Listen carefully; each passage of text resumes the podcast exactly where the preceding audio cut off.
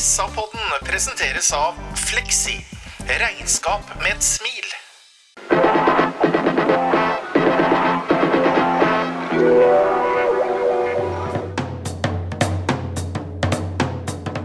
Sarpsborg Arbeiderblad gir deg en ny episode av SA-podden med Sven René Nygård, Øystein Weber, Petter Kalnes og Bjørn Inge Bingen Nilsen. Det er eh, søndag kveld, og det sitter fire gubber i et podkaststudio som skal spille inn en eh, SA-podkast. Sarpsborg Arbeiderblads egen fotballpodkast. Her sitter Øystein Weberg. Morten, Øystein. Hei, Petter. Sven er kledd i blått. Hei. Hei, god kveld. Bingen er brun og blid. Ja, er vi på nå, eller er det fortsatt bare tull? Nei, vi er på nå. Vær høflig av Bingen, også takk for invitasjonen. Takk for invitasjonen. Brun Jeg og heter blid. Petter Kalles og er i dårlig humør. Eh, Det har du òg, regner jeg med, Sven. Eh, 1-3 på Marienlyst. Hva tenkte du? Oh, nei, Jeg vet ikke hvor jeg skal begynne, hen, Petter. For jeg syns det her er så trist og tragisk. Altså, Vi har gått ifra underholdende, fantastisk fotball, blenda Fotball-Norge, og så har vi vært, jeg har kommet inn i en blindgate som ikke har vært i én og to kamper. Jeg har vært i fem, seks, sju nå, liksom. Og det er det er, det, nei, det, det, er så, er så, det er så irriterende pinlig å se på. For det første presterer vi dårlig. For det andre så virker det jo ikke sånn spillerne er på. Og for det tredje så byr vi jo på når vi snakka i bøtter og spann om midtstoppere og backer. De spiller ballen hit og dit, og når keeperne begynte å gjøre det samme liksom, hvor, skal det ende? Altså, det, det, det, det må ende snart. Eller så kommer vi til å få et helvetes tøft eh, program utover, hvor vi kommer en vei vi var helt sikre på at vi ikke skulle havne, og det, da snakker jeg om eh, helt der nede. Hvordan rangerer du den første omgangen i da, Bingen eh, ut fra et båndnivå Sarpsborg 8 av det du har sett? De første 30 minuttene er vel noe av det mest eh, tempoløse og uinspirerte 08-laget som har vært sendt på banen av en eh, trener i moderne historie. Det var eh, rett og slett helt eh, forferdelig å se på. Rett og slett. Ja, jeg vil bare fyre opp litt ytterligere her, og jeg kan bare hoppe da til den sånn kalde analyse i anførselstegn som Utvik kommer med i pausa, og så kan vi ta kampen etter hvert her. Han sier at det virker som at vi på en måte ikke er helt på. Eh, Det er ganske godt gjort, altså, når du står foran en av de viktigste kampene og, og egentlig bør begynne å nærme knivseggen på strupen. For det er klart, uh, førsteomgangen i dag Ja, jeg kan følge opp det Bingen sier, det er, det er svake greier, altså. Men Vi snakker mye om psykologi i fotball, Sven, og det er jo ingen av dem blåkledde som vil gå ut på det og ikke gjøre sitt beste. Eh, det må vi legge i, i bånn her, liksom. Men det ser det ut i og med at man ikke er på. Man har sist alle dueller. Taper første, annen og tredje duellen. Eh, Er er det noe mentalt her, eller? Ja, det er det helt sikkert, og det, det, det, det man i hvert fall ser, at vi, vi har jo ikke noe selvtillit nå. Altså De spillerne som flikka og flakka og heia og hoia og gjorde alt mulig rart som ingen forsto noe av, de eh, treffer jo knapt ballen nå. Så, så her er en blanding av selvfølgelig at de, det går litt på selvtilliten løs. Og hvis noen andre sier at de gutta er fulle av selvtillit per nå, så ljuger de, for det er de ikke. Men uansett så jeg så også det intervjuet med, med Utvik, og det er jo ikke lov i dagens profesjonelle fotball å ikke være på i hver eneste kamp, tenker jeg. I hvert fall ikke når alle omtrent virker til å være av. Eh, og vi, vi- kommer jo ut og spiller en fotballkamp der i de første omgangene generelt, syns jeg, da, og ikke bare de første 30, hvor vi er, vi er for sene i duellspillet, vi vinner eh, aldri noen andre baller, vi løper aldri vårt fri og gjør det enkelt for ballfører. Det er rett og slett eh, Nei, vet du hva, jeg, jeg pleier ikke å være så negativ, men det er pinlig, pinlig affære.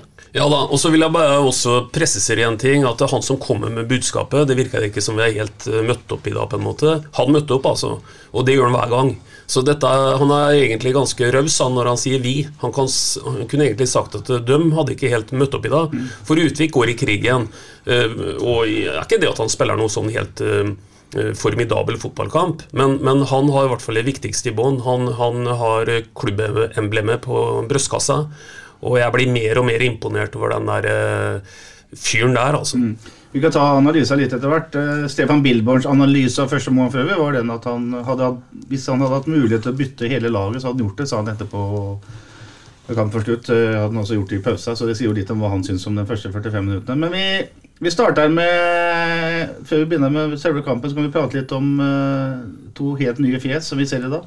Viktor Torp og Simon Tibling. Viktor Torp starta på høyrekanten i utgangspunkt, som, uh, der som vi har blitt veldig glad i f.eks. Mikkel Maigård. Og så spilte Simon uh, Tibling i den der eh, dype spissrolla, der jo Jonathan Linseth spilte ofte. Uh, Biggen, eh, vi har sett dem på trening denne uka her. Eh, Hva syns du om innsatsen deres i kamp? Jeg syns det er helt ordinært. De klarer ikke å heve et uh, svakt lag. Eh, Torp skal ha kred for at de skårer. eh, Tibling skal ha kred for at han prøver å sette opp kombinasjonsspill.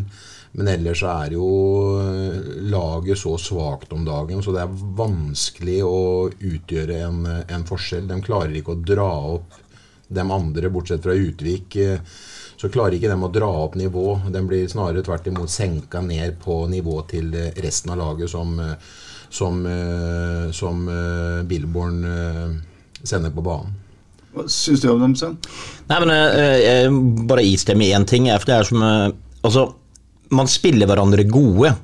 Man, man, man sier ofte det at en fotballspiller blir bedre når man kommer til et bedre lag som får bedre medspillere. Og i dag så er det jo ingen som funker. Jeg skal være helt enig med én ting, at han gjør jobben sin som vanlig Utvik, men alle andre er jo langt under pari. Og det er jo en utrolig ubehagelig jobb også, da, å komme inn som å, debutere og vise seg fram på et lag som er så blekt, hvor du får pasningene bak deg, og det ikke er løp foran deg. Så det, det Urettferdig debut for de to gutta, men jeg tror de kommer til å bidra utover. da. Selv om de ikke blenda på noen som helst måte i dag, men det tror jeg hele laget må ta en del av. Og selvfølgelig også de to gutta. Jeg syns spesielt Tibling tok tak i kula innimellom eh, og gjorde som Bingen sier han prøvde, Øystein. Ja, jeg vil si at han skal ha for noen forsøk her, altså, for det var så svakt mye av det vi så i, i første omgang, at hvis vi er litt sånn relative på det, så er ikke Tibling aller verst. Eh, men det er også, som Sven sier, at eh, det er jo ikke noe drahjelp eh, å, få det øvre laget i, i spesielt første omgang. Det blir noe, noe bedre. Og den som fremstår som som hva skal vi si, det svakeste han har vist seg i, i Så ærlig må vi være. Det svakeste han har vist i 08-trøya, og det skal litt til, for han har ikke vært god på lenge, det er jo en Gisje Molins. Eh, Den første omgangen hans i dag, den, eh, den, eh, den, den må du tenke gjennom, Gisje. Vi kan godt ta det temaet der med en gang, gutter. Eh, Molin spiller altså spydspissen og altså lengst framme i eh, 4-2-3-1-systemet. Og Sven, han Ja, Øystein har i og for seg sagt det, han, han markerer seg ikke spesielt mye. Nei da, og jeg skal istemme. Jeg har vært den som har forsvart Molin, så jeg kan bare nevne det. og Jeg tok en liten prat med gode gamle Geir Arnesen nå rett før jeg gikk hit. Og vi prata litt om dette her rundt Molins også, hvor, eh, hvor god han var i perioder til å begynne med, når laget var godt, da. Hvor vi hadde kombinasjoner og Maigård og den fløy som piska skinn og alt dette her, og hvor han flikka og ordna og, og diverse ting. Men nå, når vi har vært litt ute av form i gjengen, så er fremstår Molins, og det som irriterer meg desidert mest med Molins, det er at han eh, Altså, han er en veltrena bra utøver. vet Altså, han går opp i dueller og legger seg ned og får vondt i ræva omtrent før han er i duellen. Han rygger unna dem. Han stenger ikke Valvik når han kommer bakfra. Han kan gå foran i løpsbane, få noen frispark, gi litt juling. Helt fraværende. Og så har du den fantastiske defensive jobben han gjør da, på 1-0 der, hvor han setter unnskyld uttrykket, rasshølet rett imot uh, Vilsvik der, som får tre meter til, og så går han rett inn og, og setter den upressa. Så det, nei, vet du hva? Molins er eh, og har vært en god fotballspiller. Han har mye mer inne, men han må bare våkne. Han må gå ut og gi av seg sjøl. Han må gi litt juling til motspillere. Han må vise signalspråk med kroppen sin til medspillere. Og nå er det fraværende. Enkelt og greit. Det er det. Bingen, hva tenkte du når du så Spiser spissveteran? Eh, på 1-0-målet Nå skal jeg si alt i sarkasme. På 1-0-målet når det lyser fanden i Voldskelta Molins. Når eh, den ballen blir bøya i det lengste. Hvor han går ned og tekker det skuddet som skulle vært eh, som det siste han har gjort der i livet.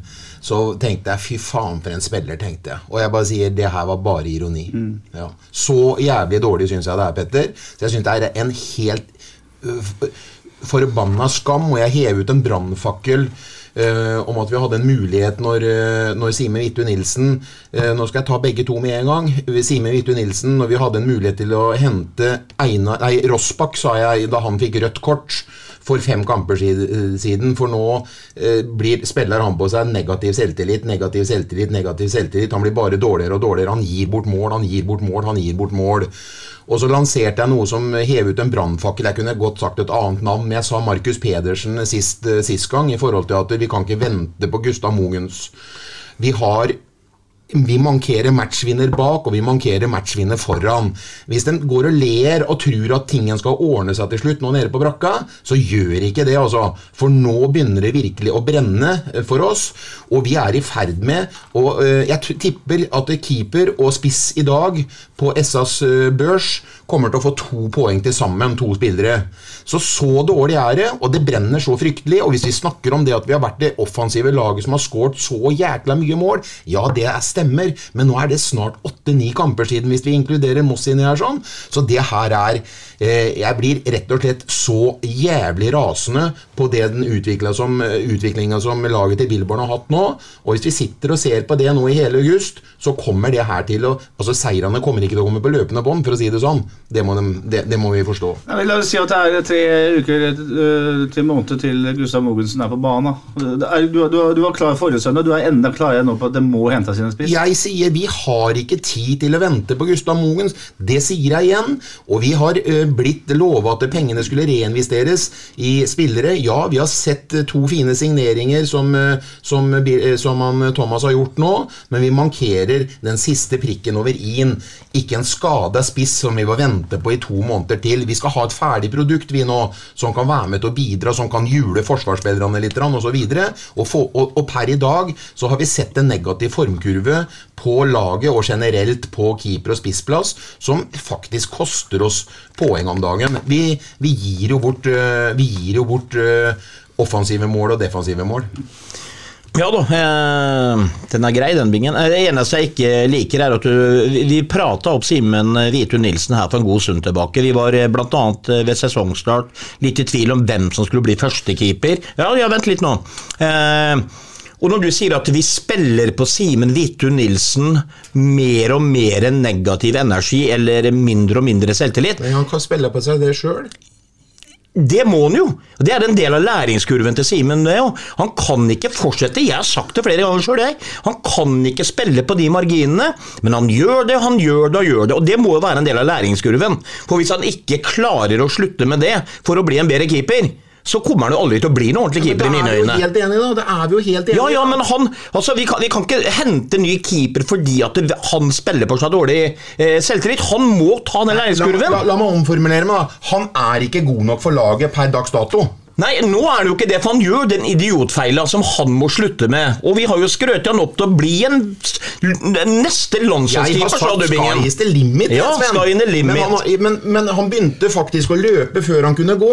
Ja. Og, det, og det, han har hatt en negativ utvikling, og den, den der, der må han ta tak i seg sjøl og begynne å gjøre Men når skal han ta tak i den? den? Skal han ta, ta, ta den på Bjørkelangen eller Aurskog-Finstadbru? eller Da må han gjøre det nå. Og så får vi vente til Anders er klar igjen.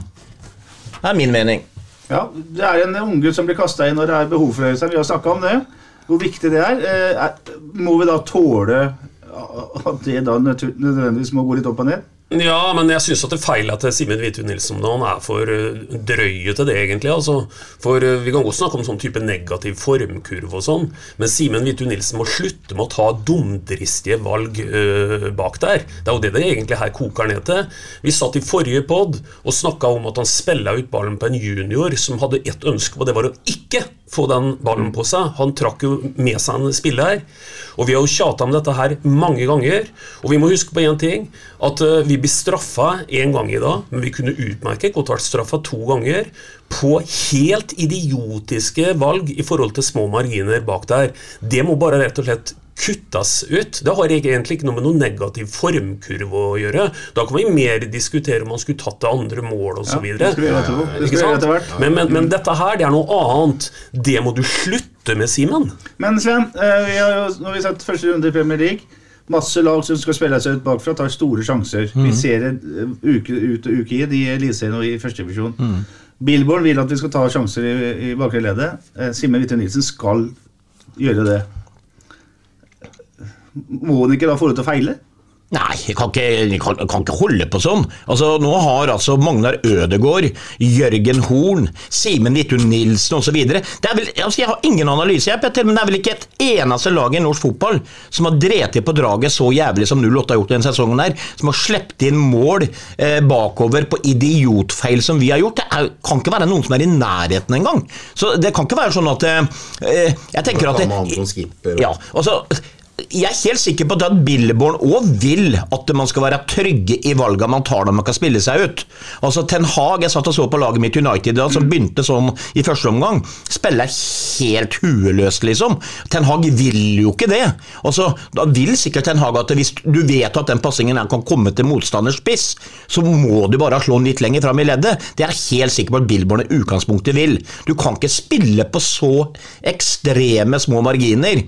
Så nei, det Nei. Og det blir til syvende og sist for kostbart, vet du. For, for, for det er jo rett og slett sånn at uh, et mål mot og et mål med, da, uh, det, det, har jo akkurat like mye verdi sånn sett. Så, så, så, bakken blir for bratt, vet du. Han blir for bratt når vi gir bort uh, sånne enkle mål. Og Soltvedt sier jo etter kampen i dag at Jeg vil si han kommer med nesten årets understatement. Han sier vi gir bort altfor lette mål, og han er ikke egentlig med på premisset som som, som TV-kommentatoren gir den om at uh, Syns dere på en måte dere fikk for dårlig betalt? Nei, vi får vel egentlig som fortjent, er egentlig det Soltvedt sier. Og det at vi gir bort altfor lette mål, det er som sagt årets understatement. Det siste rundt Simen i denne omgang, Bingen, det er faktum at man skal spille seg ut bakfra. da. Det er et faktum. Mm gjør det situasjonen for en ung, fersk keeper enda vanskeligere? Ja, jeg, jeg, vet ikke hvor mye ball possession var i dag, men hvis jeg, jeg satt og regna 51-49 ja, kom jeg til. Men jeg satt i hvert fall og regn, så kom til sånn forsiktig telling at Simen skulle stå med avgjørende pass i hvert fall 15 ganger i løpet av den kampen her i dag. Og to av dem går jo rett i motstanderen. Én klarer vi å bli redda på, én blir mål på. Og det er klart at uh, Billborn sier at vi skal spille som. Jeg tror ikke han vil at vi skal uh, la Simen på en måte være den derre Luka Modric, at han skal spille Luka Modric på egen femmeter. Altså. Det kan jo ikke være det. det kan jo ikke, hvis Billborn gir den beskjeden Jeg skulle gjerne hørt hva han hadde, hadde ment om det, og hva han har lyst til Om, om SA Journalist kunne spurt ham om Er det meninga at Simen Nilsen skal stå og spille Luka Modric innenfor eget straffefelt i hver eneste kamp, og at de skal spille tilbake til han, og at han skal løse problemene, at han skal strø rundt seg en pasninger. Det kan jo ikke være Nei, sånn det, det er er. ikke, det kan ikke være sånn. vet du. Det kan ikke være sånn. Og jeg synes også at Bevegelsen i laget er, i dag er helt annerledes enn den har vært tidligere. Og det er altfor vanskelig å finne noen å spille disse passingene på, for det er ikke bevegelse. Stasjonære som rakker. Ja, og bare sånn eh, For å gå tilbake til de her Tibling han, eh, han er jo tydeligvis en spiller som er litt overalt. Det ser vi jo. Og han, jeg står på at jeg tror han blir veldig spennende, og tror også han eh, Torp blir. Men jeg la jo også merke til at Torp var jo nesten ren høyreslekka kant i store perioder. Han lå helt ute på sidelinja. Når Maigård har vært der, f.eks., så har han virvla inn og rundt og skapt overtall og problem for motstandere. Så eh, det er jo en kjemi her som må også inn. Det er to nye gutter, og det er, kommer inn, som jeg var inne på tidligere, samtidig med at laget presterer dårlig over hele linja. da, Så blei det en sånn en, eh, sluttprodukt i dag som var eh, rett og slett begredelig. Men tenk deg da, du snakker om mentale ting, Petter. Når du endelig gjør 2-1, da, og så får du dem litt på gaffelen. Nå skal vi få poeng! Og så skjer det der 3-1-målet. Ja. Hva gjør det med spillergruppen sakramentale? Ja. Ja da, og Det er jo veldig symptomatisk at når denne kampen drar seg til etter hvert eh, mot slutten, og en egentlig tenker at vi har fått litt sånn momentum, da, eh, så, så får vi jo ikke utnytta det på noen som helst måte. Og, og helt på tampen her så kunne jo resultatet i dag blitt enda styggere også. Kunne. Du nevner eh, Mikkel Margaard. Han er jo liksom synonyme på de bevegelsene. Kortpassingene, ny bevegelse, ikke sant? Veggspill. Eh, det å skifte posisjoner, liksom. Er hans eh, rolle har, har, hans skadefravær vært eh, mer betydningsfullt i negativ forstand enn det vi har vært klar over? Det er jeg helt, helt sikker på. Eh, og du, Når du snakker om at han er bevegelig, også vi må ikke bare glemme det, han skårer jo mål. Han legger opp til mål. Altså Han er jo en poengspiller, og han er dypt, dypt savna. Det er eh, noe av identiteten til den fotballen vi spiller med det der eh, høyrebeinet til Maigård. Og de bevegelsene, det er så dypt savna som bare det. Han er nesten umulig å erstatte.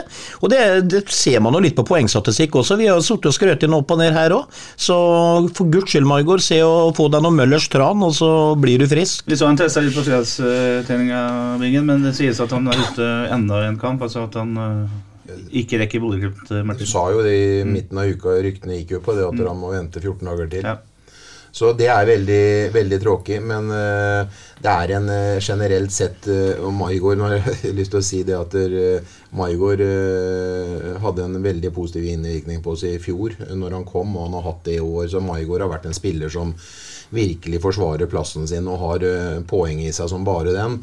Men han, og alene, han, han alene nå hadde ikke klart å vente det her. her sånn. Det er en negativ utvikling generelt over hele troppen vår nå, som, eh, som, som Billboard, Billboard må finne ut av. For at eh, vi kan ikke være, være bekjent av måten vi opptrer på, hvordan vi, eh, hvordan vi forbereder oss til kamp, hvor, hvor, hvor tent vi er når dommeren blåser i, i piperen. Altså, det er ikke bare et spilleransvar her, sånn. det er et treneransvar å, å forberede laget til kamp. Altså. Så vi, vi, vi, vi, må bare stikke fingeren i jorda og si det at det nå er begynner å bli ti kamper siden snart som vi satt og skrøt av dem, at de var eminente og glitrende, og at vi hadde målpoeng i fire til fem offensive spillere i hver eneste kamp. Ja, og det hvert sies at vi har sett uh før godsekampen altså, har vi sett perioder i nesten alle kampene har vært brukbare. Eh, i, mot godset nå så var det jo ingenting. Så. Ja, og, og, og, så jo, og, så må vi tenke på en ting til her. Altså, vi, du snakker om poengspillere i vingen. Altså, Linseth var jo en poengspiller. Han er borte. Mm. Så må vi ikke glemme Saletros. Han sitter hjemme med karantene. Han går av ledd ikke sant, med ball i beina. En Linseth som virvler i mellomrom, skaper ubalanser. Og så får vi inn de to som jeg sier. Altså, vi så har du i tillegg Maigård. Da. da har vi alle, eller tre av de her kall dem gjerne stjernene vi hadde, mm. og de er borte på likt. Så det er klart det er mye som skal erstatte seg. Ja, men så og, du har fortsatt en Heinz, ja, ja, ja, ja. men som underpresterer to til ti ja, ja. Heinz, Heinz, har jo også vært helt ute av form. Det, er ikke, det, er jo ikke, noe tvil om det. Men det er klart når du mister Maigård som vi har gjort noen kamper. Når Linseth plutselig drar til Bulgaria, når han andre Saletros får karantene, så skal vi ha inn to nye i et system, som da skal gå inn og på en måte erstatte dem. Klart vi, vi får jo kjempesvekka i dag, sånn som det er per nå. Det er mulig de gutta tar opp hansken og bidrar etter hvert, men eh, det er mye som spiller inn her i dag, altså. Vi kan ta én detalj til da, før vi går på den kampen vi egentlig skal, snakke om. Det er eh, Oppsettet i dag det er at eh, junior og Martin Høiland spiller sentralt midtbanen. Det er junior og Saletros normalt har spilt. Altså Vi snakker om første omgang nå. Det betyr to defensive spillere der. Eh, vanligvis er vant til junior og Saletros eh, Øystein. Der den ene jo er, er offensiv. Har det noen innvirkning på dynamikken i angrepsspillet? tror du? Ja, naturligvis har det innvirkning. Altså Er det en vi savner veldig, veldig, veldig da, så er det jo Saletros. Det er jo ingen tvil om det. Uh, vi mangler jo uh, altså det, det, er jo ikke noe kreativitet uh, à la Saletros å spore i, i dag. Uh, og, og det, det, er ikke noe tvil om det at det blir en helt annen uh, sittende defensiv duo med, med, Høyland og Junior, som på mange måter er Kall det litt ryddegutter begge to. Ingen av dem er jo i nærheten av å ha de kall kvalitetene som Saletros har. Så det er ingen tvil om at han var savna. Men det sier også noe om hvor sårbart det er, da. Hvis vi har gjort oss så avhengig av én en enkeltspiller som det. Så her må mange gå i seg sjøl, altså. Mm. Ålreit, vi tar eh, laget som Billborn stiller fra start. Det er Simen Witte Nilsen da i buret, selvfølgelig. Eirik Vikna høyrebekk, eh, Joakim Soltvedt venstrebekk, Bjørn Inge Utvik og Magnar Ødegård får sjansen som eh, midtstopper. Junior og Martin Høiland altså sentralt på midtbanen. Viktor Torp til høyre, Tobias Heinz til venstre. Simon Tibling i den uh, dype spissrolla, og Gisje Molins er uh, midtspissen. Og det starta jo ganske seigt. Det, vil si fryktelig seigt. Jeg skriver etter 20 minutter at det har vært et slags NM i innkast. Det var, eh, det var ikke mye underholdningsverdi. Nei, eh, har, har, du navnet på han dommeren, forresten? Ja, jeg har navnet på dommeren, og jeg har bare lyst til å si én ting om han Marius Hansen Grøtta. For han dømte. Du ta poenget mitt, antageligvis? Nei, for, for, sist så saga vi dommerne opp og i mente. Men etter 13 minutter i dag så, så skjer en dommerprestasjon av ganske høyt nivå, egentlig. For jeg stussa litt av Fred Friday drar seg ned mot ørlinja der, så plutselig så blir det blåst eh, offside. Og jeg tenkte åssen i all verden kunne dette være offside? Men det er det, for han som eh, Han, eh, han Wilsvik, som egentlig står som ikke med i spillet. Klart offside. Han sperrer plutselig løpebanen til, til. Feil sperre. Ja. Og da blir han plutselig en spiller som er med i spillet. Og det er egentlig ganske våkent gjort å greie å dømme den, så den skal du ha kred for, Marius. Så kan du ta dommerpoenget ditt. Ja, nei, jeg har vel knapt noen gang sett en fotballdommer vært så opptatt av at man stjeler én og to meter på innkast. Altså Den ble døtta fram og tilbake hele veien på begge sider. Og Det, liksom, det, blei så mye stopp i spillet. Og jeg tror vel egentlig også at der, vår gode venn Soltvedt sa et eller annet i forhold til dommeren på slutten. Ekstremt mye enkle frispark. Eh, litt lite seniorfotball i perioder. Eh, og spesielt dette her med de innkasta, da, hvor eh, så fort du gikk to skritt fram, så måtte de gå tilbake. Og det samme gjaldt når ballen ble flytta litt for langt bak. Det blei så utrolig mye brudd i spillet, uten at det selvfølgelig har noe å, å gjøre med resultatet. Men hva var spørsmålet, Petter? Nei, spørsmålet var, ja, hva var spørsmålet? Vi, det jeg sier, er at det starta med en veldig seig start. Soltvedt har et skudd fra skudd 12 etter tre minutter. Eh, har du notert deg der, Petter, at han godt kunne dratt til dem på hel volley? Ja.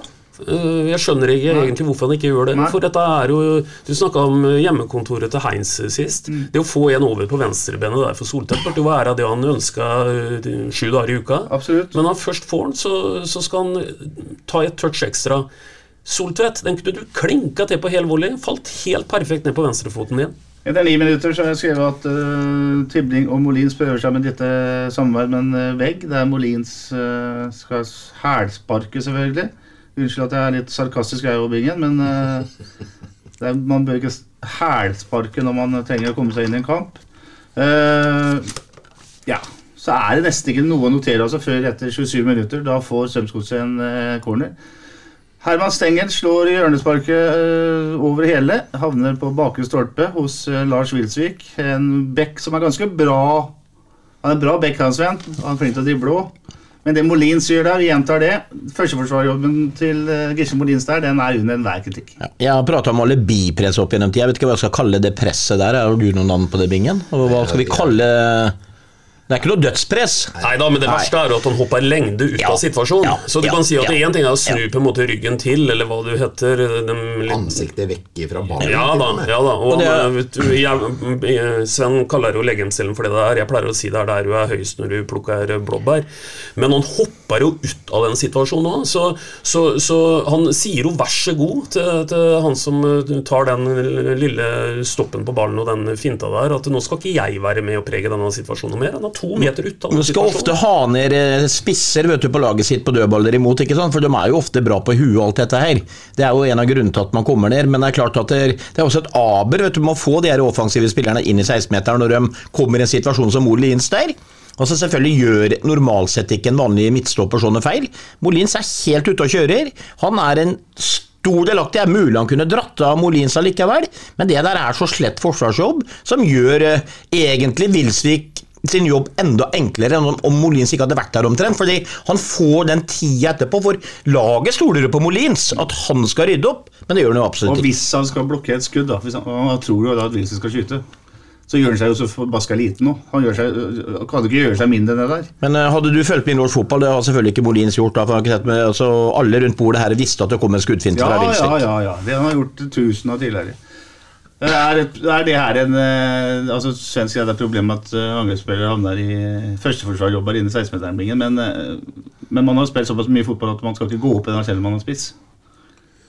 Altså Molins. Nei, det er jo en meget slett prestasjon mm. som Molins. Han, kommer, han bør bli visst den her kanskje både mellom åtte og ti ganger i, i morgen på videoanalyse av Bergerud. Selve skuddet, hva tenker du på keeperspill og sånn der? Nei, akkurat den var vel kanskje grei at går inn, syns jeg. Den 1-0-skåringen eh, der, for den sitter vel i nettveggen. Han mm. setter den helt bort, han gjør den ikke det? Jo. jo da, han gjør det, også, men den skal, den skal, ikke jeg ta Simen på. Men ja. uh, som jeg sier, uh, hvis du ser på reprisa, så er fingertuppene nesten der òg. Så det er klart Noen keepere hadde kanskje tatt den, men det er ikke noe keepertabbe å ikke ta den, i mine øyne. i hvert fall. Etter 32 minutter så er det et brukbart uh, eh, 08-angrep, faktisk, som uh, ender vel med at det er Vikne som uh, skal avslutte. Det skulle bli blokkert. Der er det Soltvedt som gjør en bra forkant. Så har Fred Friday en kjempesjanse i samme minutt på et innlegg som han ikke treffer. Av en eller annen grunn så får han ikke benet på det innlegget. Der har han åpent mål.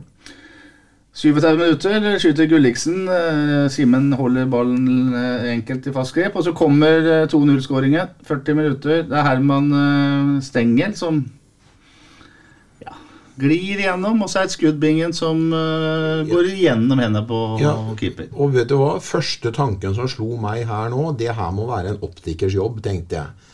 For her kan det hende at Simen faktisk har et problem med syn eller synsproblem eller noe sånt. For den, den, går, den går jo nesten gjennom hendene hans. Han er jo der. Han sitter jo faktisk klar til å, ta han. Så tenkte jeg faderen søren, altså. Han har sikkert et problem med, med øya, tenkte jeg da. Men tenker du, altså, Podden trenger jo noen nye sponsorer. Tenker du Specsavers, er det Onsum? Hvem tenker du du skal Lage reklame om det, eller? Nei, Jeg tenker sånn generelt eh, kanskje øye, øyelege og optiker av skråstrek. Men eh, da må jeg bare spørre dere, for Det første som slo meg, det var ikke at han skulle gå til optiker.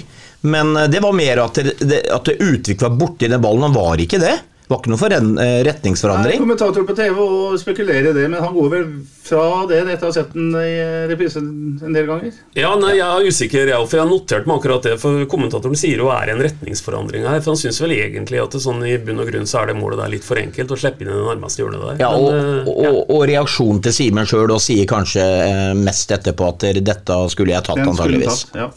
Og Vanligvis så er jo han en eh, bra skuddstopper, eh, Vingen. Ja, han er jo reaksjonssterk, og han mm. ser ut som han egentlig har kontroll helt på han. Så akkurat det må, Kanskje han blunka akkurat da, eller noe sånt. Men det var noe som skjedde, i hvert fall. Ja. Det er eh, stadig nye vinklinger på Bingens keeperanalyser, og det er vi eh, i grad for. Eh, Ballinnehav eh, i første omgang er eh, 53,6 til hjemmelaget. 4-1 i skudd til hjemmelaget. Sarpsborg 8 har null skudd på mål.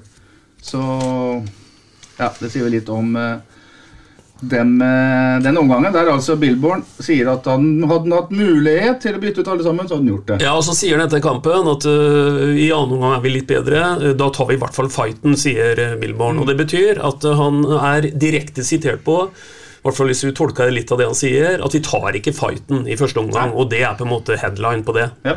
Han gjør to bytter i pause. Han setter eh, Martin Høiland og uh, Gisje Molins igjen i garderoben. Og der er det ingen tvil om at Høiland gjør en helt ålreit jobb, syns jeg, som en sånn eh, ryddegutt. Han gjør den jobben han er satt til å gjøre. Uh, Molins var vel ikke fullt så heldig. Uh, Conté går inn for Høiland. Uh, Steffen Liss Skålevik går inn og spiller spiss for uh, Molins. Det betyr at eh, Tibling spiller også i den dype rolla. eh, La oss kalle det Saletos-rolla i annen omgang. Eh, mens eh, Boba Conté spiller en slags hengende spiss, og så spiller Skålevik da i spydspissrolla til eh, Molins. du har sett Conté mye på trening, Bingen. Thomas Berntsen og flere skryter han at han er i framgang. De sier at han er nærmere laget enn noen gang. Hva syns du om de eh, 45 minuttene pluss tillegg han fikk? Da må jeg si det at hvis man skal lete etter spillere i et Billborn-system, så er jo ikke han det. Han er jo en uforutsigbar individualist, hvor eh, det handler om han eh, både på godt og vondt i forhold til ferdigheter eh, med ball, hvordan han agerer kjempeskada i flere, flere episoder hvor han ligger nede. og det er sånne ting som han må luke bort for å liksom bli, bli enda bedre. Da. Men han har, og vi ser det på trening, at han har vanvittige retningsforandringer med, med, på, på toppfart med ball i bena. og De forsvinner, dem, altså de, de klarer ikke å følge med på retningsforandringene hans. Han har god ballbehandling, og han er vanvittig hurtig. Han er like hurtig med ball som uten ball. Men han er taktisk svak. Hvis det kan læres, så tenker jeg på taktisk svak i forhold til det at han går seg fast, så trår han på ballen, så senker han tempo, og så spiller han hjem. Det er liksom hans spillemønster. Jeg skulle gjerne sett han hadde satt opp sånn som Tibling, da, som er en smartere spiller i forhold til å sette opp kombinasjoner, gå på veggspill, få han igjen, osv. Så, han har mye i seg, men han kommer ikke til å være noen frelser for oss foreløpig. For når du sier at han ikke passer i Bibelen fotballen, så, så er det fordi den er basert på slå og gå, ikke sant? Ja. Uh, mens han vil drible. Han er individualist, da. Eh, Var du overraska at han spilte såpass sentralt i banen og ikke ut på en av kantene? Ja, jeg trodde faktisk ut ifra hva vi har sett på treninga denne uka, her, sånn, så trodde jeg faktisk han skulle starte på en av kantene. Men uh, han ble jo veldig sentral. På en måte så fikk han jo en helt eh, fri rolle uten defensive Ja, uten deba, de, ja, Jeg tror ikke han hadde noe defensive eh, Jeg har fått noen beskjeder om at han skulle jobbe sånn og sånn ved at, eh, når vi hadde balltap. da.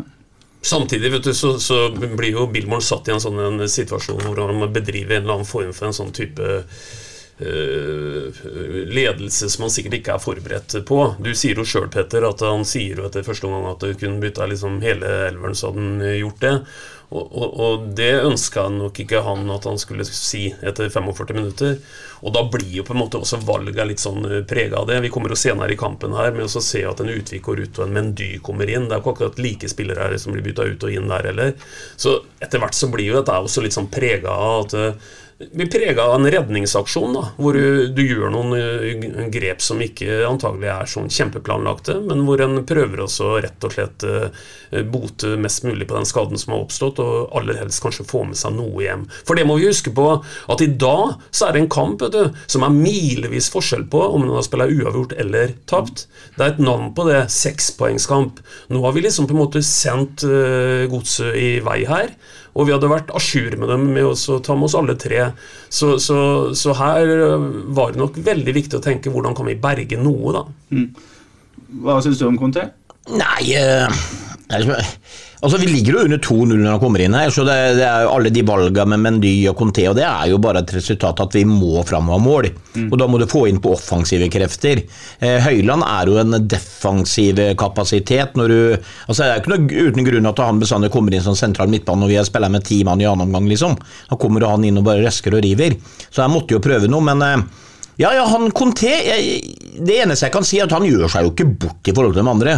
Han har en målgivende pasning, eh, men, men noe sier meg at det Det er liksom ikke nok. Det er, det er, sånn, det er litt sånn puslete og fysisk svakt og det er klart Hvis han kommer inn på det sporet som Bingen sier, at han eh, har en retningsforandring og drar av folk i hytt og pine, og ingen følger med når han begynner å få de taktiske valgene, så blir selvfølgelig han spennende. da, og det er klart For å få dem så må han vel også prøve å få prøve seg litt, men eh, per nå så jeg, kan ikke, jeg skal være så ærlig å si at når han kommer inn der, så fikk jeg ikke jækla trua på det likevel, liksom. Men annen omgang er, eh, er jo bedre enn første. Uh, Ja, men det kunne jo ikke bli verre. Nei, det kan du si. Skålevik og Conté kommer inn. og Det må jo gjøre et positivt bidrag her. Ja da, og de- den som igjen skal ha kred, vet du. Uh, Jeg noterer meg etter eh, 63 minutter at det er deilig å se på Skålevik sitt fighting face, altså. For, for uh, igjen, da. Skålevik er ikke, er ikke han har sine begrensninger, det er vi alle enige om. Det blir nesten litt kjedelig å tjate om det. Men han legger i hvert fall en veldig veldig, veldig innsats i bånn på alt han på en måte gjør. Og det er klart at eh, med fasit i hånd i dag, så er jo laguttaket feil. Altså, uh, Molin skulle jo aldri ha spilt denne kampen her, og, og det hadde vært mye lettere, men det er jo med fasit i hånd. Så kunne vi gjerne hatt en, eh, hatt en Skålevik fra start, da, eh, i manko på noe, noe toppspiss, da, som i hvert fall hadde utført pressjobben sin samvittighetsfullt og aggressivt. da. Det var jo helt fraværende med førstnevnte. Så, så Skålevik bidrar jo veldig han egentlig til at det blir et annet bilde i annen omgang. Nettopp med at han gir eh, folk juling og jobber hardt, hardt, hardt, altså. Yes, uh, Conté markerer seg allerede etter et par-tre minutter, der han uh, skyter fra ja, Skal vi si det var 30 meter? da? Ja, den som Ja, gikk 30 meter, også. 30 meter over. Han har ikke landa ennå, sannsynligvis. Etter 48 minutter får Sarpsborg sin første corner i matchen. Det sier også litt. 51 minutter så skal Simen uh, Hvitte Nilsen spille ut en kort pass. Den går rett til Freire, som har, som har åpent mål, men han får ikke, får ikke satt den inn. Der, har altså, der lever Simen meget farlig. Et godt angrep etter 53 minutter, som ender med at uh, Torp ikke treffer rent på en pasning fra Soltvedt, etter at uh, Tribling og Soltvedt har uh, kombinert fint ut på venstresida. Det er faktisk et bra angrep. Uh, 54 minutter, skyter Friday. Simen Hvitte Nilsen redder enkelt, holder den i fast grep. Og så kommer 52 minutter, da er Conté rettvendt. Og så kommer et løp som Det er en sånn Leonardsen-løp det Torp gjør der, Sven. Dypt løp fra til indreløperrolle, og setter den fint i mål.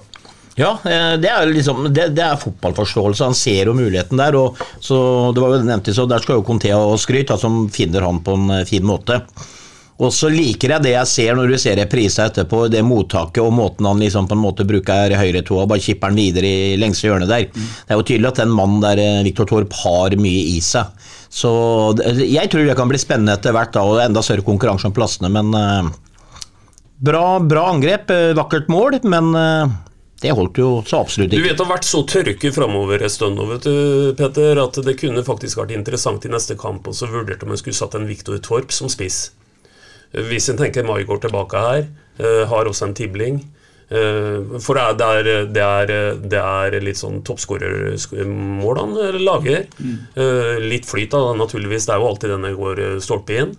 Men det vi har sett offensivt, har vært så svakt at vi må lete etter noen alternativer. Og det kan hende, hvis en Maigård nå blir frisk mot Bodø-Glimt, at at en kanskje må tenke litt utafor boksen når det gjelder hvem en skal starte nå med som ren mm. spiss. Mm. Når du hører på SA-poden i morgen, så hører du at vi for eh, ti minutter siden sa at Maigård ikke er klar før sannsynligvis neste kamp. Ja, ok.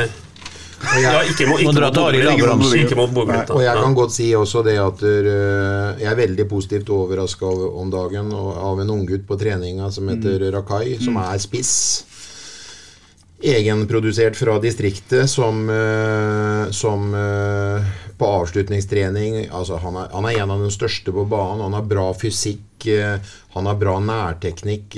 og til syvende og sist så tvinger det seg fram kanskje det at vi skal bruke en, en, en unggutt fra egne rekker som spiss i en alder av 18 år spør du meg òg. Skåra også et flott mål på Bellagom eh, ja, det, var, det var ikke ferdigskåra, for å si det sånn. Det var veldig bra. Da brukte han hælen på riktig måte. Eh, bare følge opp det begge to sier Svein. Eh, og, den, det jeg sier nå, er helt uten sammenligning for øvrig, som heter. Pep Guardiola spiller en uh, fotball som ikke er så helt ulik det, det Billboard vil spille. Han, han, spiller ofte uten en, uh, det som i England er en number nine, altså en sånn Haaland-spiss etter at han uh, argentineren, svigersønnen til Maradona Aguero. Aguero stakk, så har han jo ofte spilt uten spiss. Kan man tenke at det Øystein sier her, med en Molins helt ute av form, at man skal bruke en f.eks. Viktor Torp opp der? Ja, selvfølgelig. Det er ikke noe Altså Ofte så tenker man at spisser flyr i bakrom og truer. Og det gjør jo aldri Molins. Så han er jo en møtende spiss. Og hvis eh, Viktor Torp eh, kan være en fotballspiller som kan eh, møte og være like god på ett touch som, eh, som, det ser ut som han er. Da. Han er god på toucha sine. Så tror jeg også at han eh, per i dag kunne gitt mer energi av seg sjøl i, i, forhold til motspillere, altså midtstopperne møter. For det er der, Bilbo, eller der han Molins nå har vært helt natta, i mine øyne. Det er liksom ikke det virker ikke som han har noe lyst heller. Eh, så det er klart at det hadde vært et alternativ, det. Og det er klart hvis vi i tillegg får friskmeldt en Maigård, selv om han eh, ikke er klar ennå, eh, og de andre, og så er jo Saletros tilbake, så begynner det å bli sånn etter hvert på den topplinja der oppe, så noen må jo på benken. Så da er jo selvfølgelig det en god tanke, det, å kunne gjøre det på en måte. fordi vi har jo ikke brukt Molins til å true et bakrom én gang i året likevel, så da bør vi ikke ha en Så eh, trenger vi bare ha spiss som er god med ball i beina, da, og som kan gjøre noen retningsforandringer og flikke noen kanter igjennom osv. Og, og skape overtall. Klart det vil være en forbigåelse. Steffen Skolevik kan jo føles som en forbigåelse selvfølgelig hvis man gjør et sånt valg, men uh, han har jo fått mye sjanser nå. Ja da, altså, det er jo ikke noe syklubb, det greiene her. Det er toppidrett. så Eh, forbigåelse. Vi må spille med det beste laget vi mm. har. Er Aridon Rakai klar til å spille Eliteserien Turbingen? Det gjenstår jo å se, men jeg ser i hvert fall en gutt med et enormt potensial og en uh, veldig flott fysikk og en, uh, en uh, smart ballbehandler, samtidig som han har avslutningsegenskaper som definitivt ikke er tilfeldige. Altså for at han gjør det gang på gang, og det er eh, veldig sjelden de går utafor. De går som regel i stang og inn hvis ikke de eh, sitter i nettet. Og så er det jo litt Jeg Det er ikke ofte jeg er enig med Bingen, egentlig, men jeg kan være litt enig nå. Men, eh, men det er, altså, er jo, vi, vi, prater om at de unggutta må få sjansen sin. Og jeg tenker det at det er én sak å sette inn en Haug som er midtstopper innenfor en Utvik og sjanse på det, enn å sjanse på Rakai istedenfor Molins per i dag. Det er ikke noe sjanse å ta. Eh, så nå, ha, nå, har man jo eventuelt de mulighetene, fordi Rakai akkurat akkurat når jeg sitter og prater her nå, han, han, han hadde nok gjort en bedre innsats. Så da, da har man jo den muligheten, eventuelt, hvis man mener at dette her eh, eh, har vært så dårlig i trenerappet som vi diskuterer nå. For det, jeg tror vel mange rundt oss kommer til å istemme den eh, børsen på SA at eh, Bolins ikke får en klink åtter nå. Og så er det jo et eh, godt poeng. altså Er det noe denne byen her nå trenger, som eh, må få inn noe vitalisering i dette her, så ingenting hadde vært bedre enn, eh, som Bingen er inne på, at en lokal unggutt eh, som fortsatt er tenåring, hadde kommet inn og, og levert. altså. Så, så gjerne for meg, for å si det sånn. Da har du sagt noe, Bingen, som du nesten får unison støtte av rundt bordet. Det er eh, Og det er ikke ofte! Nei, men det er hyggelig. Jo da, gutter. Dere, Nei, nei, du er faglig, du, Bingen. dere skygger meg uh, mye. Det som ofte er tilfellet med Bingen, vet du, Sven, han sier noe som liksom høres helt idiotisk ut, så kommer vi hjem, så legger vi oss og sover, så sover vi på det. Ja. Så våkner vi med det tidlig. Og så forstår du hvor mye rart han, mye rart han Ja, har det, sagt, hender, det liksom. hender at vi tenker det var klokt, men det hender jaggu at jeg våkner dagen etterpå og tenker at det Bingen sa i går, var jaggu dummere enn jeg trodde. Ja, ja. Du, men du må høre det på nytt igjen, da, da du forstår det, liksom. Det hender at man kan si tok har Binge tatt tablettene sine siste tiden. Liksom. Ja. Men det er så, greit. Ja. Rundt eh, 52 minutter også. Viktor Torp gjør eh, 1-2 for Sarpsborg 8. 57, Petter, tror jeg vi skal 57. si på den. Jeg skriver såpass stygt. 57. Uh, poenget er i hvert fall at da er vi vel inne i den uh, lille perioden av kampen der Sarpsborg 8 er uh, som best. Eller skal vi si minst dårlig. Ja, og normalt vet du, så skal jo godset kjenne på en liten frykt da. For eh, de må skjønne viktigheten, viktigheten av den kampen i dag. Og du møter et lag som eh, som sagt ville gått forbi dem hvis, hvis de hadde blitt tapt den kampen her. Så det er klart at du da kjenner dem på en nerve når vi får den reduseringa. Og i fotballsammenheng så er det en evighet igjen da. Eh, Det er eh, i praksis langt over en halvtime igjen. Og, da er det skuffende at vi ikke greier å utnytte det momentumet der eh, som vi egentlig skapte oss da etter 57. altså. Ja. 59 så skårer eh, Fred, men det er en eh, korrekt avblåst offside. 66 minutter. Torp erstattes med Ole Jørgen Halvorsen.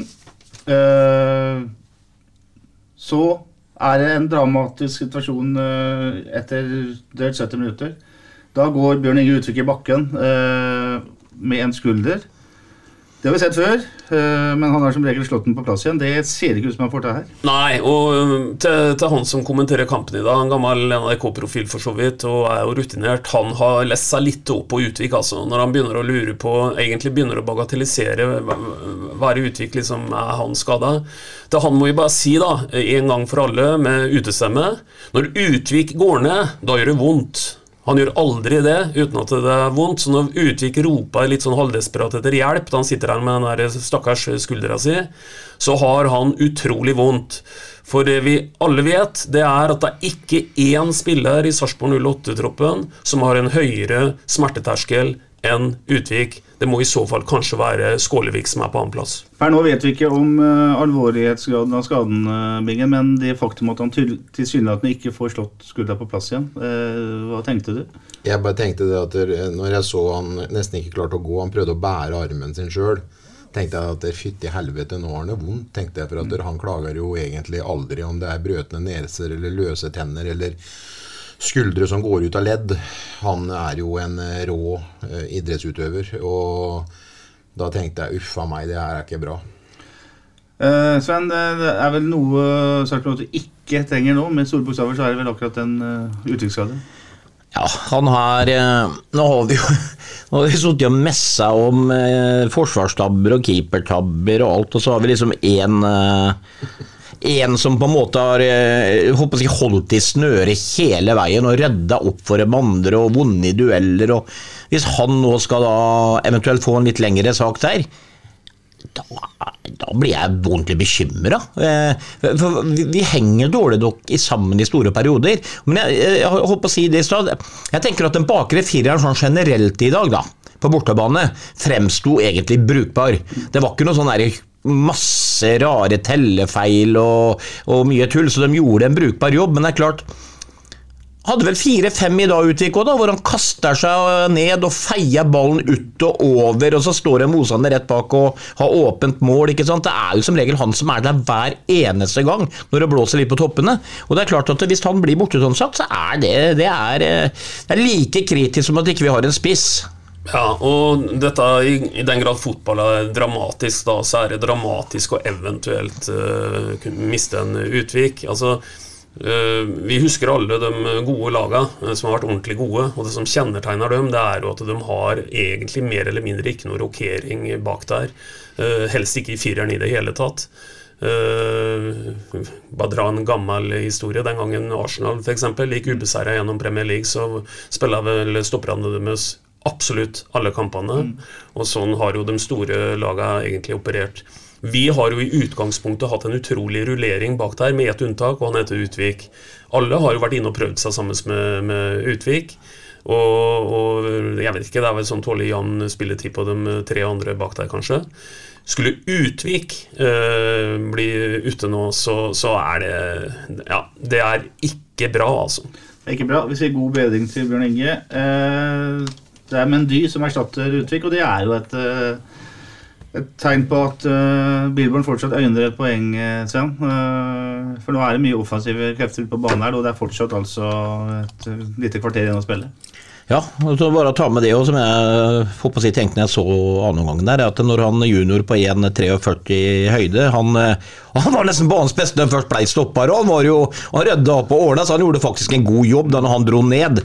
Men det er klart at det, det var jo det Det, det er derfor Conté og Mendy og de kommer inn for eh, bl.a. Høyland og eh, og Utvik. Det er jo fordi at man øyner noe, at man må ha inn mer offensive fibre. Så, men, men de jo klarte jo aldri å på en måte sette noe preg på de minuttene. og fikk da, Usikker på hvor lenge det var, men eh, det ble ikke noe ut av det.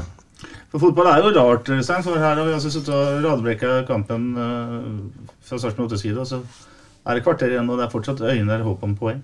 Ja da, men sånn er jo fotball. Det, det er jo alltid 'hope in a hanging snore', som uh, gamle Egen uh, sa. Eh, men, eh, og, og, det er jo som Sven sier, at disse uh, valgene etter hvert her, de er jo prega av at vi at vi Altså Det er jo en type kamp som egentlig ikke spiller så veldig mye rolle om vi taper med tre, fire eller fem mål, men det er veldig veldig viktig kontra å kunne kanskje få med seg ett poeng. da. Det, det, er jo det som hele coachinga på en måte blir prega av. da. Men etter 81 minutter Bingen, så skjer det fatale når Simen Witte skal slå ut ballen. Han treffer ikke medspilleren, han treffer en mørkeblå en. Eh, hva er, eh, hva er valget hans her? Hva, han, eh, hva prøver han på? Nei, det må du det må han svare på sjøl. Jeg kan ikke kommentere det, for det er helt hodeløst i hele tatt. Og jeg sier at han blir stilt i den der Luka Modric-rolla på egen straffefelt. og Luka Modric er en veldig god ballbehandler som eier ballen veldig mye når lagene spiller kamp. Men da Sigurd Nilsen skal eie ballen så mye som han gjør med bena som bakerste mann hos oss, det er helt for jævlig forferdelig. Og så kommer den der upressa feila som, som, som, han gjør da han skal slå den der 40-meteren som daler ned etter 15 meter og rett på brystet til hvem, som, hvem, er det som får den? Det er jo smart oppfatta. Er det Stengel som vipper over? Ja. Er det, hvem er det som skåra igjen, da? Han, uh, Friday. Ernst igjen. Ja, for det var Friday eller Stengel vel som stoppa han og bare la han igjen rolig. Helt riktig. Mm. Og så tar han og kipper han over, mm. og det er jo han ute på 16-meteren, i hvert fall eh, når den ballen går i mål. Så det er jo ikke sånn vi skal opptre i hele tatt når vi spiller voksenfotball og skal spille om poeng. Altså, vi, og når vi skal gjøre byen vår stolt og vi skal kjempe om poeng, så er jo det helt uh, hodeløst banalt å se på. Mm. Ja, jeg kan ikke få sagt det noe Nei, det Nei da, men, men alle, alle, er i Men, men uh, hvis du hører på Simen, så du kommer tilbake, vet du, men nå må du slutte. Nå er det, nå er det slutt. Ja.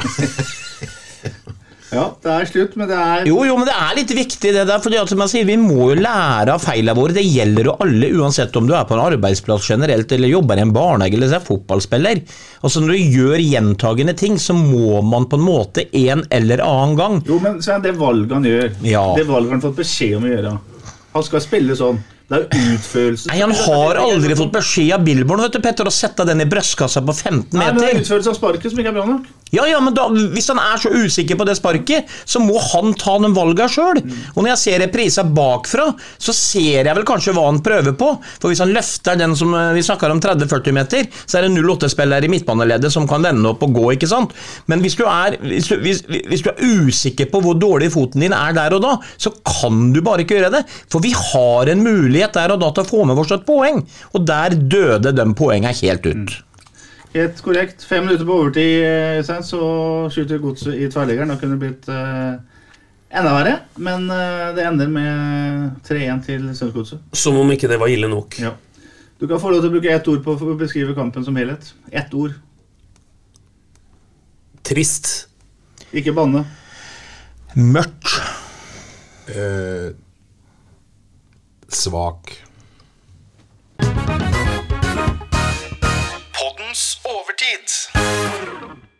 Dere har kanskje skjønt at vi ikke har snakka om tabellposisjonen til Sarpsborg 8 så langt i denne podkastepisoden. Det skal vi gjøre nå. Overtida skal handle om eh, tabellen, og jeg skal prøve å, å lese. Og jeg skal begynne med sjetteplassen på tabellen. Der er uh, Vålerenga med 26 poeng. Strømsgodset er nummer 7 med 25. Sandefjord 8 med 21 poeng. Nummer 9 er Ålesund med 21 poeng. Nummer 10 er Odd med 20 poeng. Nummer 11 er Sarpsborg 08 med 19 poeng. Nummer 12 er Haugesund med 19 poeng. Nummer 13 er HamKam med 18 poeng. Og nummer 14 er Tromsø med 18 poeng. Og under der så ligger Jerv og KBK med henholdsvis 11 og 6 poeng. Øystein, det er fem poeng opp til en eh, meget god plassering høyt på tabellen. Da havner du opp på en, eh, på en. Men det er også ett poeng ned til eh, Tromsø på kvalifiseringsplass. Og det er vel der fokuset bør være.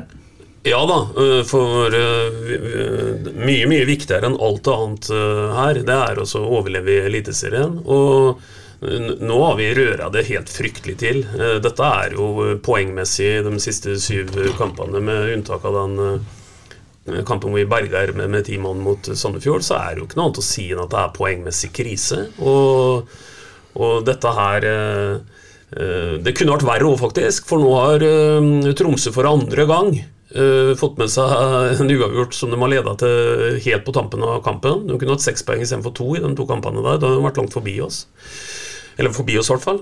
Så nå, er nå, nå blinker det noen klokker her. Så nå, nå må vi opp i ringene. Det er bare Det er én serierunde, det, som kan, så kan det hende at vi som ligger på, på, på kval Bare si én ting, da, for å liksom på en måte prøve å lysne litt i mørket. Så, så er det jo sånn at øh, vi havner ikke sist i Eliteserien i år, og vi havner ikke nest sist i Eliteserien heller. Til det så er det et par lag der nede som er øh, for svake. Det er min påstand om det. Men kvalet, det, det er vi i aller høyeste grad per i dag en kandidat øh, til. Og da blir kanskje redningsplanken vår i år at vi har et veldig gunstig kampoppsett. da, Hvor vi møter alle laga, øh, fem av dem som ligger rundt oss, på hjemmebane utover høsten her. Der står slaget. Vi har jo sittet her Biggen, og sagt at eh, i år så kommer vi aldri til å havne nede i den eh, berømte sumpa. Eh, nå er vi der. Er det tilfeldigheter, skader, eh, uflaks, røde kort, dårlige dommere, eller eh, hva er årsaken? Eh, årsaken er eh, er jo vanskelig for meg å, å si, men det er klart at det har vært mye svake prestasjoner av enkeltspillere, og til slutt så går det utover kollektivet. Eh, det som er så rart Jeg tror jeg sa da vi var så høye og mørke her i studio sånn i midten av juni måned, at det her ligger jo faderne med an til å bli 70 poeng, det her, sa jeg. Og etter det så har vi nesten ikke tatt poeng. Så eh, vi har uh, hatt en negativ utvikling som, uh, som trenerteamet må ta svært alvorlig. Og så må de faktisk utnytte eh, spillesystemet sitt eh, til det, det beste nå, og finne, finne de spillerne som eh, ønsker faktisk å gjøre en forskjell nå i, i tiden framover at dem spiller faktisk på laget. Altså. For det er ikke de høyt gasjerte som skal spille hvis de ikke Hvis de er formløse. Og så er det sånn, Sven, Vi har aldri vært med på, på sesonger der alt går av seg sjøl, der vi nesten ikke klarer å tape, altså som fotballspiller. Og så har du vært med på øh, sesonger der man gjør øh, gode kamper og ikke får nok poeng. Lillestrøm er den første kategorien der nå. I dag skåra keeperen deres på overtid. Det, det, Geir Bakke de klarer nesten ikke å tape fotballkamper nå. De har flyrt hele veien. Bilborn har jo ikke flyt, man er i en negativ spiral. Hva tenker du? Hva, hvordan jobber man seg ut av noe sånt nå? Det eneste som en profesjonell trener og idrettsutøver eh, sier rundt det, det er at vi må bare jobbe hardere og jobbe på. ikke sant? For da, da kommer resultatene. Men eh, vi har eh, masse skyld i dette her, eh, pga. dårlige prestasjoner som har vært innpå her. Eh, men vi er vel en av de lagene som kanskje har fått dårligst betalt òg, i forhold til en del ting, om du tenker stolpe ut eller dommeravgjørelser eh, og diverse ting. Så vi kunne sikkert tatt tre poeng til, i hvert fall på kontoen. Men jeg var jo høy og mørk og sa dessverre en gang her tidlig i podden at uh, hvis jeg biter negler på slutten i år, skal jeg sykle tur rett til Oslo. Og nå begynner jeg å bli sår i ræva alt, altså bare tanken på det greiene her. for det nå er det som sagt kort vei ned til kvalikplassen, selv om jeg har veldig tro på at de skal snu dette her sånn. Så, så Tabellen preger jo laga, vi blir stressa. Vi ser det i dag, som jeg sier. Den her Billborn-fotballen vi har hatt tidligere i år, hvor alle toucha går hjem, og det kommer gode legg, og de er foran mål. Nå knyter det seg, og det knøt seg fra første sekund i dag også. Så jeg mener at uh, svaret på de spørsmålene er bare å jobbe knallhardt og ha trua på det. Du, du kan ikke slippe den. Eh, eh, og jeg vil helst at man kanskje blir litt mer kyniske på en del ting. Merk Hvithund. Jørgen Horn, Magnar Ødegård. Når du ser at den her blir lei, Bruk huet litt grann noen ganger, så får vi heller jage den ballen én gang imellom og tåle et balltap der, men likevel på en måte slippe å få den dritten imot. Men samtidig så må vi tørre å prøve spesielt høyt i banen. Jeg tenker at det mest skuffende i dag, Petter, og da sitter jeg egentlig bare igjen Billborn, som sier at ja, noen gang så tar vi fighten. Det betyr at vi tar ikke fighten i første omgang. Det er det definitivt mest uh, skuffende. For vi er skrudd sammen sånn, vi som på en måte heier på idrett, at uh, vi, vi, vi, aksepterer å, å tape uh, mot f.eks. bedre motstand, eller at vi ser at uh, favoritten vår faktisk gir absolutt alt, osv. Uh, igjen, Billborn mener at vi er ikke på stasjon når fløyta går i første omgang. Det er det mest skuffende. For en må forvente at, at folk skjønner alvor i den situasjonen vi har havna nå. Altså. Men Du nevnte Stabingen at det at man ikke er klar når kampen starter Du nevnte at det kan skyldes kampforberedelser eller hvordan man Ja, jeg nevnte, jeg man, må jo jeg mener. man må gå gjennom det òg, da. Og så må man analysere hva Ja, det er det jeg sier. Her må de se seg sjøl i speilet. Her må trenerne se seg sjøl i speilet. Det må gå i kule varmt det nede nå, Ja. Bingen. Det må være en selvjustis i dette her som gjør at det smeller litt. Er du ikke enig i det, Sven? Det Jo da, jo da, helt enig. Men, men, men, men jeg har aldri klart å være enig i at en fotballspiller skal måtte vekkes på det nivået man spiller i dag, før en fotballkamp. Altså, Ja, kampforberedelser, taktikk jeg er helt enig hvis den slår feil, men det å si til en Tibling eller en Molins eller et eller annet Nå må du huske å gå ut her og jobbe.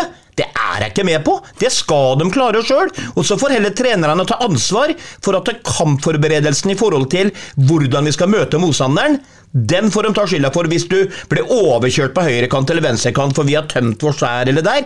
Men at de ikke går ut og gir juling og tar imot juling, det er ikke mine øyne treners jobb. Nei, men Til det kan jeg si amen, for det er klart at det ville vært helt latterlig hvis du skal si til en eller annen proff uh, uh, skånespiller uh, at, at du må huske på å ta i alltid, da, på en måte. Du må, du må bidra med ditt aller, aller beste.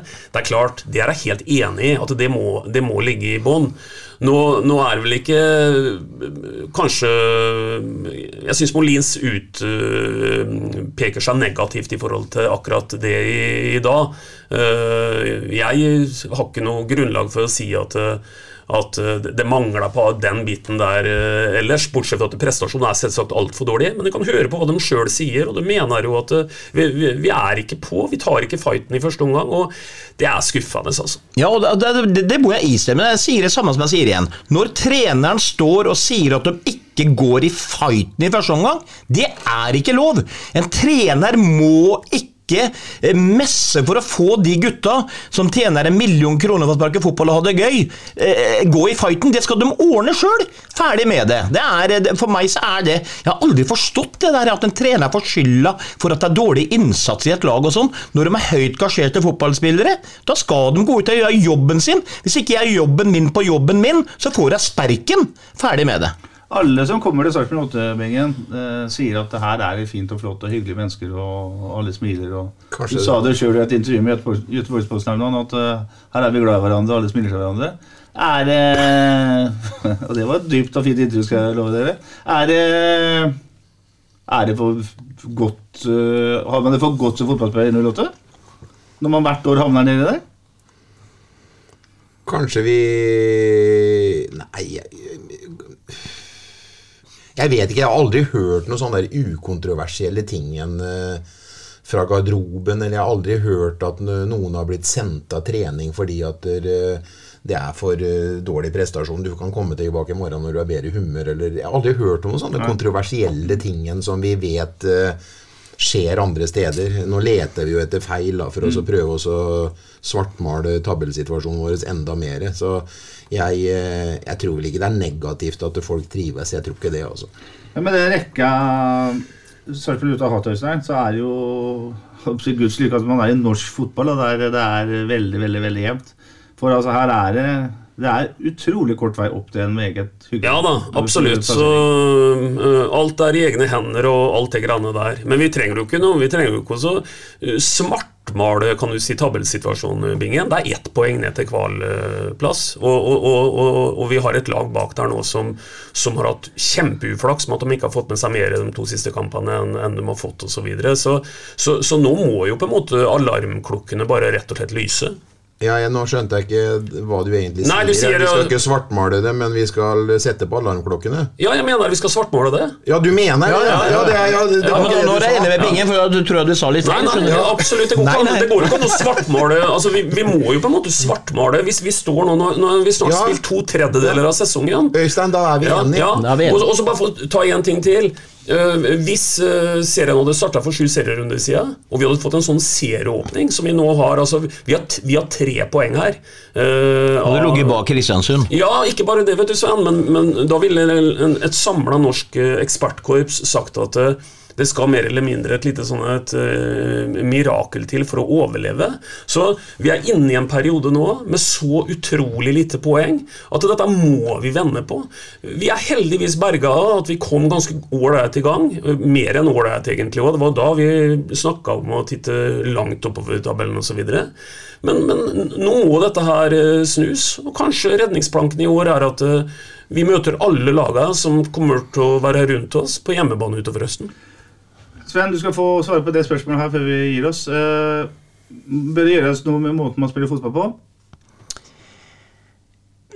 Bare på den ene måten at jeg ønsker at vi fortsatt skal spille Billborn-fotballen, men vi må eh, defensivt, da, eh, i oppbyggende spillet, tåle litt mindre våren boll i enkelte anledninger. Så lenge spillerne våre ikke håndterer det som de gjør nå, inkludert keepere og forsvarsspillere, så har vi bevisst for mange ganger og for mange poengtap på at det der må det skje noe. For vi kan ikke fortsette med det. Så Litt mindre Billborn-fotball blir det jo selvfølgelig hvis ikke vi skal spille oss ut hele tida, men vi kan ikke på død og liv gjøre det. Men det grunnleggende skal være der fortsatt. Grunnleggende skal være der, og vi kommer til å finne tilbake til det når Saletros er ferdig med karantene, når Tibling og Torp blir varme i trøya, når Maigård har fått i seg Møllers tran, så kommer dette til å bli spennende igjen. Bra. Det som er så fint med fotball, er jo som jeg alltid sier at det kommer en ny kamp. Og til fredag så er det jo en enkel eh, motstander, for Bodø-Glimt er jo ikke noe særlig form av mål. Nei, Bodø-Glimt hadde jo et uh, begredelig resultat nå mot Odd. Uh, 7-0. Nei da, Bodø-Glimt har jo virkelig funnet seg igjen. De må, og uh, I den grad en skal si noe kontroversielt i den poden podden her, så stikker jeg fram haka og så tipper at Bodø-Glimt tar seriegull. Ja. Og det er jo på en måte litt, uh, litt spesielt, i og med at de ligger et stykke bak. Men jeg har sett dem nå i Europa hvor de vant 5-0, og, og igjen mot, mot Odd. Så, så de, blir, de blir harde å, å, å ta. Det eneste som kan, kan kanskje slå positivt ut, for det er jo, det er jo i idrett ofte sånn at uh, at øh, det å slå fra underlege, som svenskene sier, det, det kan jo utløse noe mentalt, det. Og slår vi noen gang fra underlege, så gjør vi det førstkommende fredag, altså. Mot formlag kanskje nummer én i, i norsk fotball. Så det skal bli en interessant kamp. Ja, Bodø-Glimt kommer vel da rett fra returkampen i Ja, Kanskje det er det vi kan Ja, og, og det eh, er jo normalt sett aldri vært noen fordel. Det har jo vært forska på. Du husker jo når vi var i Europa òg. Berntsen sa det når du spilte torsdagskamper f.eks. Så slo det negativt ut for de norske lagene som regel i seriespill. Så vi kan jo håpe på det. Ja, er jo den flytta også fra lørdag til fredag for at de skal få lengre tid fram til neste runde. Så er det ikke tydelig hvor de har fokuset. Men uh, du kommer bare med noen tips, Svein? Nei, men jeg sier eh, Jeg er litt sånn eh, grå til sinns i dag, egentlig. Så jeg sier at vi greier eh, 0-0. Sven? Med Utvik tilbake 1-1, Utvik skada 1-2. Ingen? Eh, Jeg tror faktisk at dere, eh, den selvtilliten vi fikk av eh, matchen i dag, eh, svak prestasjon igjen, eh, gjorde oss dårlig. Jeg er negativ nå, eh, og så vinner eh, Bodø-Glimt 7-0 i går, noe som også er med på å bekrefte at selvtilliten går den gærne veien. Så jeg tror faktisk for første gang i år at jeg må tippe at motstanderen vinner, og jeg tipper at Bodø-Glimt vinner 5-0 til fredag. Dæven, det var 5-0, Petter. Nå er jeg spent på går vi inn i arbeidsuke med store glis, kjære lyttere. Jeg er litt mer optimist, men jeg er jo litt realist òg. For en gangs skyld skal jeg ikke tippe hjemmeseier, men jeg tipper at det blir 2-2 på Sarpsborg stadion. Og eh, det er Viktor Torp, og det er eh, Simon Tibling som gjør hvert sitt målbingen. Det er fantastisk hvis det skjer. Ja, det. 2-2 fredagskveld i Sarpsborg kan ikke bli gærent, Øystein? Nei da, og det hadde jo vært utrolig hyggelig om du én gang kunne treffe Ja. på noe. For Også- det har jo ikke skjedd siden har opprinnelse. Og så har det har vært utrolig spennende pod på gang hvis det blir 0-5 i tillegg nå. Så tror jeg det blir, da blir det høy temperatur. Ja. Så det er bra at vi selger inn neste pod med at Bingen tror at det blir 5-0 til Bodø-Glimt eh, på fredag. Bingen, du er en solstråle. Tusen takk for at du var her i dag òg. Takk for at jeg fikk komme. Takk til deg, Sven. Ja, takk. Og Øystein. Takk til både meg og Bingen og Sven. Og både Bingen og, og, Og Bjørn Petter Moe sier takk til Petter og gutter. Ja. Prekas, da. Ja. Vi prekes. Prekes. SA-podden presenteres av Fleksi. Regnskap med et smil.